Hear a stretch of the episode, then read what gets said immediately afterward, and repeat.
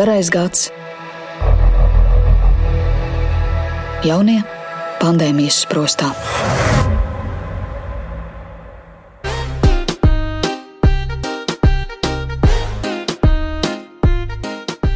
TikTok ir viena no straujāk augošajām sociālo mediju platformām. Latvijā to īpaši iecienījuši bērni un jaunieši. Lielākoties tur nav viņu vecāki, un pat ja būtu, izsakot līdzi saturam, kuru redz bērns, ir neiespējami. Ne visi saprot, ka internets darbojas pēc algoritma. Ko tu skatījies, to tev piedāvā. Tur var būt izglītojošs vai izklaidējošs saturs, piemēram, smieklīgi video, kuriozi, ēdienu receptes vai modes padomi, bet neapšaubāmi jaunie mēdīji ir arī auglīga vide, kur attīstīties kibermobbingam. Pandēmijas laikā arī mobbings pielāgojies interneta videi. Kas pa šo laiku izdarīts, lai Latvija vairs nebūtu līdere mobbinga izplatībā, stāstīsim turpmākajā atvērto failu pusstundā. Pirmā daļa - jaunie mediji un jaunais mobbings. Cilvēkiem nepatika laikam. Man īstenībā draugi nebija. Arī pirms tam, tāpēc jau sāk darboties. Bet nu, tā bija 5, 6, 7. Tas ir ilgi diezgan. Nu, jā, tur, bet tur bija viss trakākie gadi. Jā, tur viss kaut kas bija. Tur bija daudz drāmas mums vismaz. Alise Mankus ir 12. klases skolniece. Pamatskolas laikā piedzīvojusi vienaudžu iztumšanu, kas bijis viens no iemesliem, kāpēc viņa sāka veidot saturu internetā. Šobrīd Alisai katrā no sociālajām platformām ir vairāki desmiti tūkstoši sekotāju. Man ir 18. skolā, un kā jau mēs daudz šobrīd pārāk ilgi skatos tiktu un pārāk daudz raudu. Man patīk domāt, ka esmu diezgan pozitīva un jauka, bet heiteru acīs esmu vienkārši. Viņa ir pārliecināta, ka par problēmām, arī mobbingu, ir jārunā un vēlas mudināt citus laikus meklēt palīdzību. Alisi uzrunājām, jo vēlamies uz jauno mediju platformām palūkoties caur to aktīvu lietotāju acīm ir tā situācija, ka katrs izsaka to savu kaut kādu skatījumu. Tur parāda, piemēram, klipu, kas pierāda to, ka viņa viedoklis ir pareizākais. Un tad, nu, kaut kādā ziņā es domāju, ka tie cilvēki, ap kuriem tas viss ir, nejūtas galīgi patīkami. Un man liekas, ka internetā šāda veida risināt problēmas nu, nav tas pareizākais veids. Man tas arī kaut kā liekas, ka nedaudz tā. Nu, nepatīkami noteikti ne, ne tikai tiem cilvēkiem, bet, nu, protams, citiem tas izklaidējoši. Tāpēc arī, manuprāt, tas ir populāri. Kāpēc tu tik tā kā redzi tās visas strīdus? Jauniete prāto, ka pati TikTok vide piedāvā plašas iespējas, lai provocētu strīdus. Un tur arī TikTokā ir iespēja teiksim, gan uztaisīt duetu, kur var redzēt gan tā cilvēka video, gan tā vējo nu, blakus. Un var arī nu, kaut kādā reaģēt, dažādi veidi ir iespējams. Un tad tā arī tās visas reakcijas notiek. Platformā oficiāli drīkst reģistrēties no 13 gadu vecuma, tomēr Alise stāsta, ka to lieto gana daudz jaunāku bērnu, no kuriem bieži vien tiek saņemti riebīgākie komentāri. Lūk, kādas citas TikTok lietotājas Egitas Rancānes atbilde uz komentāru: Ej, nomirsti! Man maziņš puisīts bija atstājis arī nejauku komentāru. Tieši konkrēti šādu. Tas ir diezgan nopietni. Tā cilvēkiem gan nevajag teikt. Beigās es to komentāru vienkārši reportoju, mazo puiku nobloķēju. Bet pirms to izdarīju, man aizņēma vien 5 minūtes, lai to mazo puisīti atrastu Facebook, atrastu viņu māmu, atrastu viņu omīti, uzzinātu, kurā skolā viņš mācās un kurā pilsētā viņš dzīvo. Un tevi tik ļoti viegli ir atrast internetā. Tā kā vai tiešām vecāki neskatās, ko bērni dara internetā? Ja tas... Alise Mankus lērumu negatīvo komentāru skaidro šādi. Viņa nezina, kas es esmu, es nezinu viņu, es tikko viņu ieraugu, varu pateikt, ko es gribu un iet tālāk. Latvijas drošākā interneta centra vadītāja Maija Katkovska skaidro, ka TikTok ir platforma, kur kibermobbingam attīstīties. Parasti apspiešana sākas skolā, pandēmijas laikā tiešaistes stundās, un šobrīd tiek ziņots par konfliktiem video konferenču platformās. Visbiežāk teiksim, tā pazemošana notiek tādēļ, ka pedagoģi nav uzlikuši drošības un privātuma iestatījumus. Tāpēc drošāka interneta centra eksperti izstrādājuši iestatījumu lietošanas instrukciju un regulāri konsultē izglītības iestādes. piemēram, lai bērns nevar savu vārdu, uzvārdu nomainīt, jo Tas ir viens no izplatītiem veidiem, kā bērni pazemo viens otru vai arī nu, vērš savas aktivitātes pret pedagogiem. Ka ieejot mācību stundā, pedagogs redz, kas tur ienāk, viss ir akceptēti. Un tad vienā brīdī bērns nomaina savu vārdu, uzvārdu, Piemēram, ir bijuši gadījumi, kad nomaina savu vārdu uzvārdu pret kāda skolotāja vai pret tā mācību priekšmetu skolotāju, pie kura tajā brīdī ir stunda, vai pret direktoru vārdu uzvārdu un kaut kāds rupjības saraksts visāds. Un veikli nomaina apakaļ pret savu vārdu. Un tajā brīdī atšifrēt, kurš no audzēkņiem savu vārdu nomainījis, ir ļoti grūti.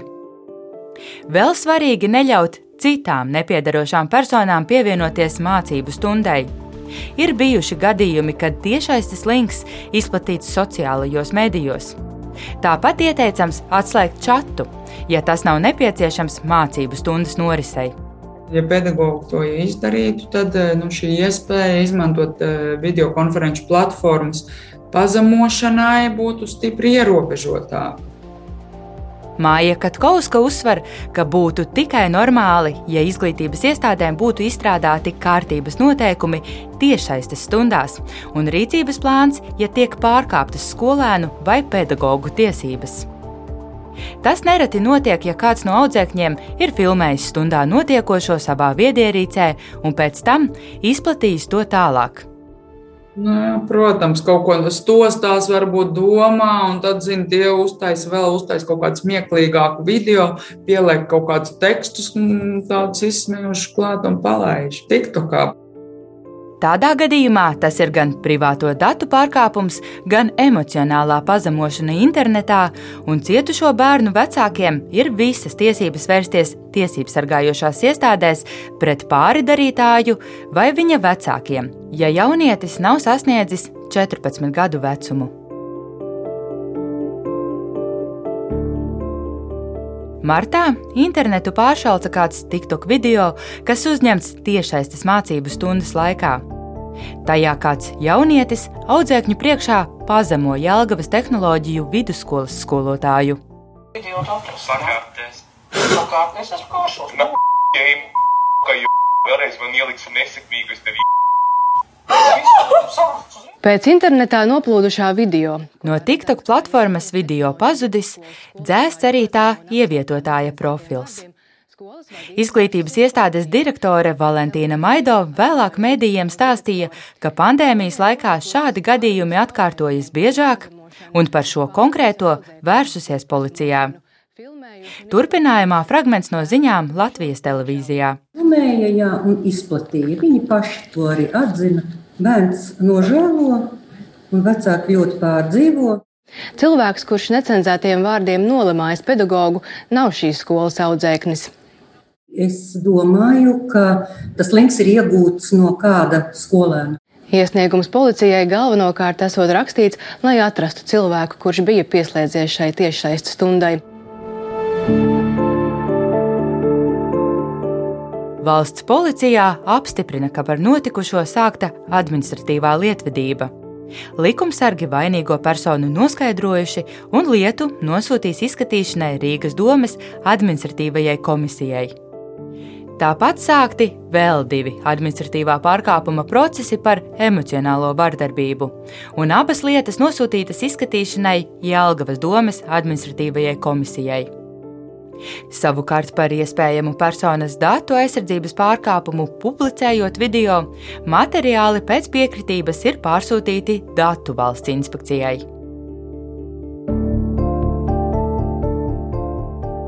Drošāka interneta centrs gan nevar izņemt video no sociālajiem medijiem, taču nopietnu pārkāpumu gadījumos izmanto iespēju sazināties ar platformu administrāciju, negaidot rindā ar citiem ziņotājiem.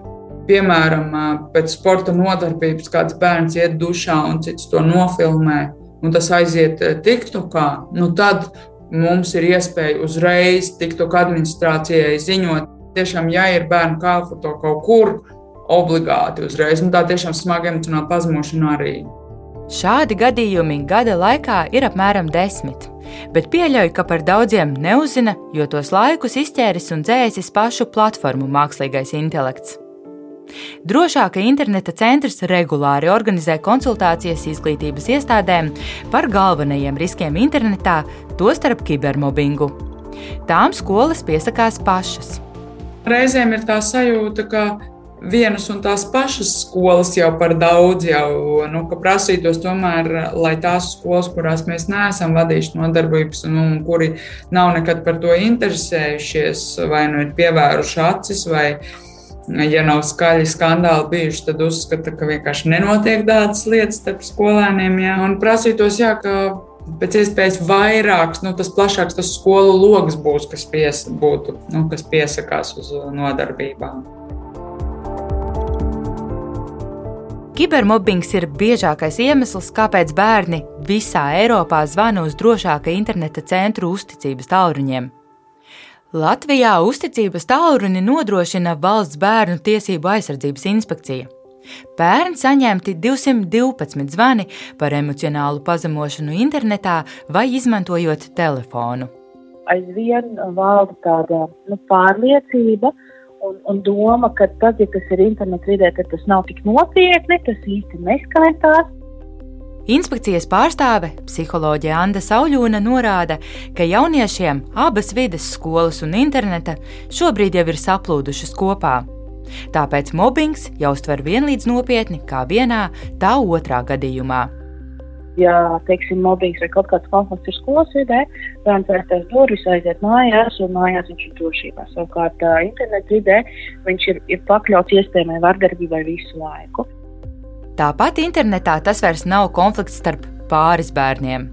Kibermobbingu redz, un tajā var būt iesaistīts daudz lielāks cilvēku skaits. Trūkums ir, ir tāds, ka aizvien arī daudzi vecāki un speciālisti varbūt neizprot internetu vidas arī tās tumšās puses un riskus. Viņi paši nesako līdzi.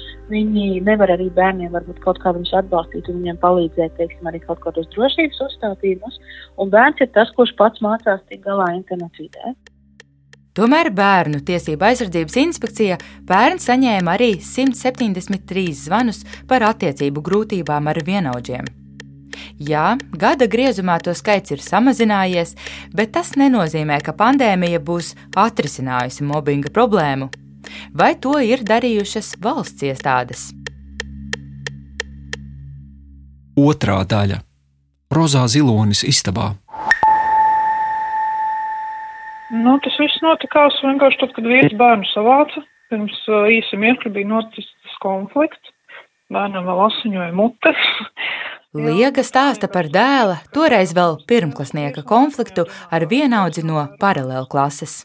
Bērni bija mētājušies, akstījušies ar zīlēm.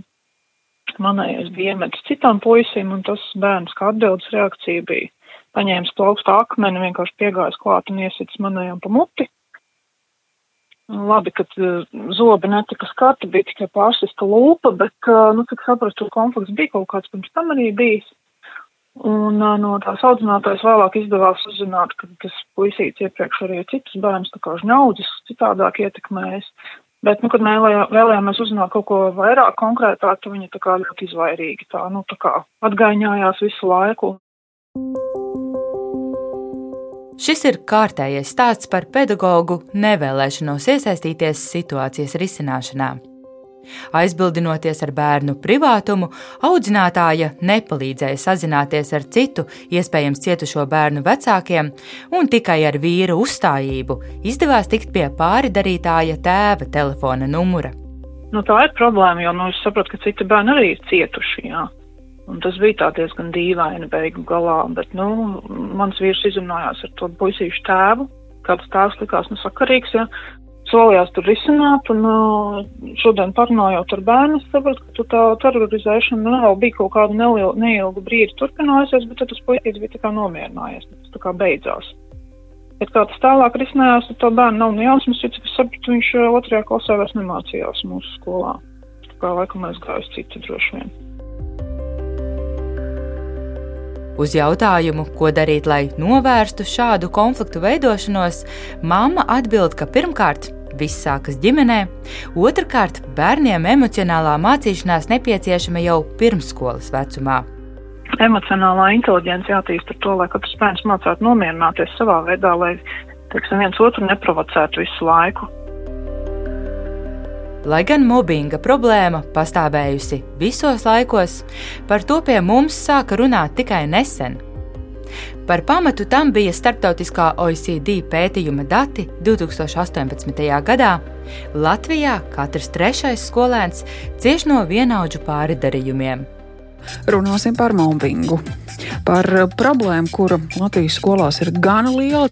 Latvija visu, gan OECD, gan Eiropas Savienības valstu vidū, ir pārliecinoša līdere skolēnu savstarpējās izsmiešanas un vardarbības ziņā. Šobrīd zemāk nokrist vairs nav iespējams. Speciālisti sola meklēt risinājumus. Kad pirms gada raidījumā atvērtie faili pētījām mobbinga iemeslus, atklājās, ka skolās nepastāv bērnu emocionālā audzināšana un skolotāji nav sagatavoti konfliktu risināšanai. Vienota risinājuma nav joprojām. Tā vietā konsultācijas, apmācības un lekcijas piedāvā gan vairākas nevalstiskās organizācijas, gan valsts institūcijas. Veidotas vairākas kampaņas, kurās par personisko pieredzi ar mobbingu stāsta sabiedrībā zināmas personas. Un tad pienāca kaut kāda brīža, kad tajā grupā, kurā kā, kā vajadzēja būt un kurā es gribēju būt, man iekšā nelaida. Mūsos katrā ir šīs bijušas trīs pozīcijas, ka tu esi apbežots, tu esi kādu apbežojis un tu esi klusējis. Sociālais projekts Neklusē izveidots pirms trīs gadiem ar mērķi samazināt mobbinga līmeni Latvijā. Turpina projekta līdzautore Marika Anžāne. Jau tad mums likās, ka nu, viss notiek sadrumstaloti, un ka, nu, ja skola vai bērns vai vecāks saskarās ar mobbingu, nu, tad viņš nezina, ko darīt, kur vērsties pēc palīdzības, un ka ir dažādas iestādes, kas nodrošina palīdzību, bet tas nekādā veidā nav centralizēti. Un tas pats arī piedāvājums skolām. Nu, ir uh, kumpurs, uh, ir uh, darbvedzēja centrs Marta, ir pusauģu resursu centrs, ir neklusē. Ir dažādi šie risinājumi. Tad papildus arī valsts policija rīko dažādas uh, kampaņas un iniciatīvas. Nekādā veidā nav centrāli, un tad vairāk ir, kā es teiktu, bieži vien kā ugunsgrēka dzēšana, Pērn veiktā pētījuma dati liek domāt, ka situācija tomēr neuzlabojas. Puse aptaujāto skolēnu atzinuši, ka gada laikā saskārušies vai redzējuši mobbinga situāciju. 16% no viņiem bijuši tie, kuriem dara pāri, bet palīdzību meklēja tikai puse.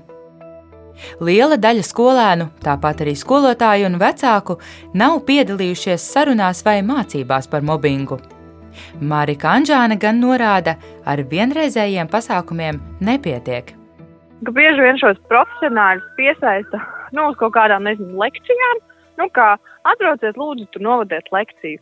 Bet ar tādu lekciju nekas nemainīsies.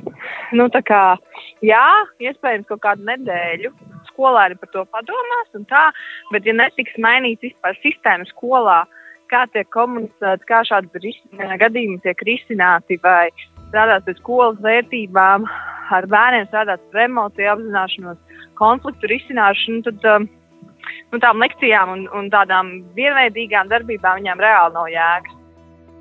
Pērn janvārī mobbinga novēršanai tika izveidota speciāla darba grupa, kuru pārstāv veselības, izglītības un zinātnes un labklājības ministrijas. Šobrīd tapis konceptuālais ziņojums par ņirgāšanās mazināšanu skolās un iezīmēti vairāki risinājuma varianti, kurus izvēlēsies valdība. Turpina Veselības ministrijas pārstāve Inga Birzniece. Tas galvenais ir uzdevums um, nu, izveidot tādu vienotu rekomendāciju vai vadlīniju pieeju, kas tiktu izstrādāta valsts mērogā, paredzot to ieviešanu, mirgāšanās izplatības mazināšanai, tātad izglītības iestādēs. Tiek izskatīti dažādi iespējamie varianti. Gan kā vienotā programma, kas tiek izstrādāta Latvijā vadlīniju rekomendāciju ieviešanai, ja tātad pašas vadlīnijas un rekomendācijas, tāpat tiek arī izskatīta iespēja pār citu startautisku programmu teiksim, adaptēšanu Latvijas situācijai. Publiskajā apspriešanā ziņojums varētu nonākt maijā vai jūnijā. Birzniece cer, ka pasākumu īstenošanu varētu sākt jau šogad. Ar ziņojumu iepazinies bērnu psihiatrs Nikita Bezborodovs. Viņš norāda, ka viens no piedāvātajiem risinājumiem daudz neatšķiras no jau esošās prakses. Ja būtu tiešām uz kaut kādiem ticamiem pamatiem balstīta programma, un ja būtu atbalsts arī skolām, kā to pareizāk izmantot un ieviest, un ja tas būtu vairāk vai mazāk obligāts pasākums, tad tas neatrisinātu visu, bet tas noteikti varētu iedot kaut kādu Un tad tas viss tāpat ir atkarīgs no tā, kā tas tiek implementēts, ļoti atkarīgs no skolas vadības nostājas. Un arī Nikita Bezborodovs uzsver, ar vienreizējām apmācībām skolās ir par maz. Nu, noteikti skolas saskarsies ar gadījumiem, ko skolas līmenī viņi nevarēs atrisināt. Un ļoti svarīgi, ka ir kaut kas pretī, vai tas ir dienests, vai tā ir struktūra, vai tā ir nu, kaut kas, kas var viņam tajā brīdī atbalstu sniegt. Jo, ja tu saskaries ar problēmām, tu nevari atrisināt, nu, tad arī skolai ļoti ātri iestājas izdegšana. Nu, kas nepalīdz, to nevajag. Es neredzu, ka kāds no šiem variantiem to paredzētu. Šādas funkcijas varētu pildīt pedagoģiski psiholoģiskais atbalsta dienests, kura izveidi rosinājis pāresoru koordinācijas centrs, taču šī ideja ir iestrēgusi ministru kabinetā. Tikmēr Izglītības un zinātnes ministrija, negaidot kāds risinājums nāks no triju ministriju ziņojuma, šobrīd 16 skolās izmēģina projektu EMU skola. Tas nešķetina mobbinga problēmu, bet varētu palīdzēt to atpazīt.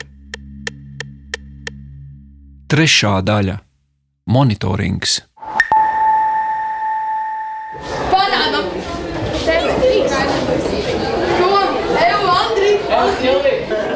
Projektu EMU skola izstrādājusi nevalstiskā organizācija Plec sadarbībā ar bērnu psihoterapijas speciālistu Nilu Saksu Konstantīnovu.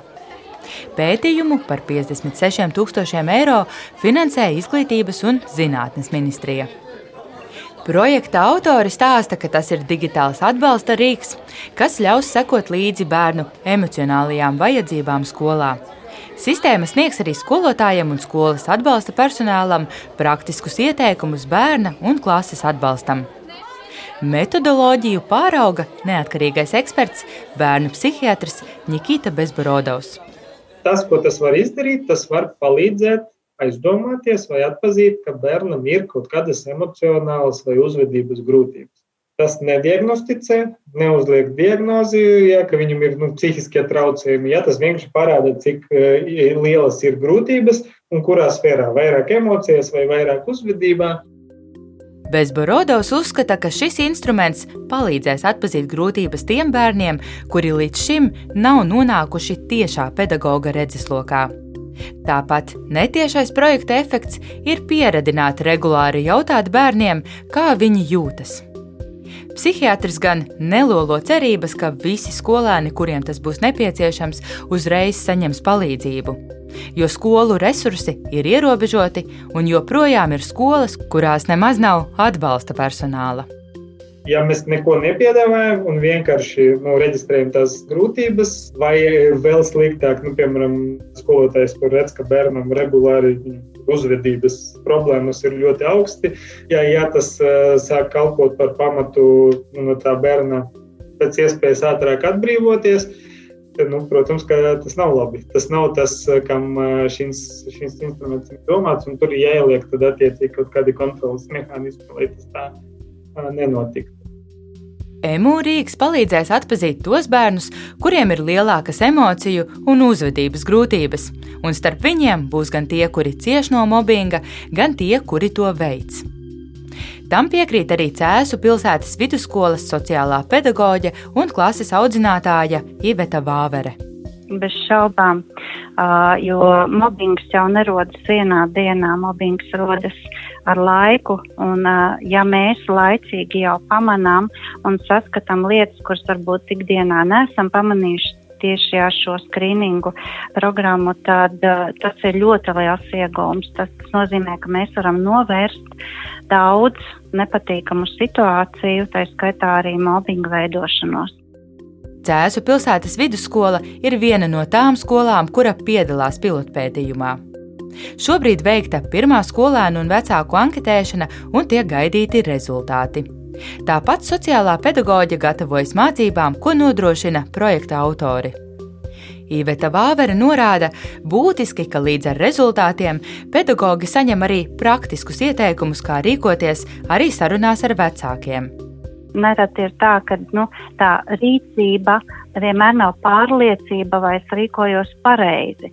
Tad šeit mēs varam balstīties, ka mums ir profesionāļu ieteikumi, profesionāls metodas, ko mēs varam izmantot, lai šo darbu veiktu kvalitatīvi. Sākotnēji gan bija krietni jāiespringst, lai pārliecinātu vecākus par to, kāds ieguvums būs no dalības projektā, atzīst sociālā pedagoģe.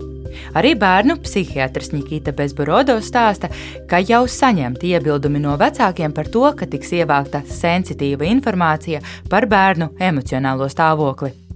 Un tas vienkārši parāda to, ka, ka ļoti ilgstoši mūsu kultūrā tas nav īsti pareizi. Jo mēs, ja mēs runājam par tām grūtībām, nu, īpaši, kad tas ir ļoti izteiktas. Bet eh, tas, kas ir absolūti skaidrs, ka tā atkal nevar atrisināt, nu, piemēram, ārsts, kas sēž kabinetā. Tur ir ļoti svarīga sadarbība starp, nu, tāds trīs stūris. Ja? Ir skola, pedagogs, ir vecāks un ir uh, ārstniecības sistēma ārsts un bērnam ir jābūt pa vidu. No septembra projektu iecerēts ieviest visās Latvijas skolās. Izglītības iestādes varētu būt ieinteresētas to darīt, jo no šī mācību gada ieviesti jauni kritēriji skolu akreditācijai, un divi no tiem vistiešākajā mērā attiecas uz skolēnu labsajūtu un iekļaujošu izglītību. Vadlīnijās rakstīts, ka pirmkārt būtiski, lai skola monitorētu situāciju attiecībā uz psiholoģisko labsajūtu. Otrakārt, svarīgi, ka tad, kad skola jau ir apzinājusi situāciju, sekotu arī rīcība. Turpina izglītības un kvalitātes valsts dienesta vadītāja Inita Juhņēviča. Tās skolas, kuras neizpilda kritērijus, akreditācijā saņem zemākus rezultātus, Tātad vērtējums ir zemāks, kas nozīmē, ka skola saņem vairāk uzdevumus, rekomendācijas, kas viņiem ir jāizpild. Un, ja mēs, piemēram, kādā skolā konstatējam, ka netiek sekots līdzi psihoemocionālajai situācijai, eksperti noteikti raksta ieteikumu, ka lūdzu izveidot sistēmu, kā jūs uh, monitorējat un uh, atbalstat bērnus, kuri ir, uh, piemēram, priekšlaicīgas mācību pamešanas riska grupā, kas arī var būt viens no tiem veidiem, ko veicina uh, mobbings. Jautājam Alisei, kā viņas prāt vislabāk būtu risināt mobbinga problēmu. Nu, mums līdz 4. klasē jautāja skolotāji katrai audzināšanas stundā, kas mums patika un kas mums nepatika par to nedēļu. Un tajā pat līdz 4. klasē es jutos droši runājot ar klases audzinātāju. Pēc tam vairs nē. Es nezinu, man šķiet, nu, varbūt palīdzētu kaut kādas sarunas. Es pat nezinu, ko tur var izdarīt, bet tas ir diezgan traģiski. Nu, tas bija reāli, kā tas notika. Ja tu draudzējies ar to cilvēku, tad, diemžēl, tu nevari draudzēties ar to. Bija tāda kā klases sadalījusies kārtās. Tā galvenā kārta, kas nosaka, ar ko viņi draudzējas. Raidījumu veidoja Baiva Runce, Anita Brauna un Reinis Budze. Atvērtie faili!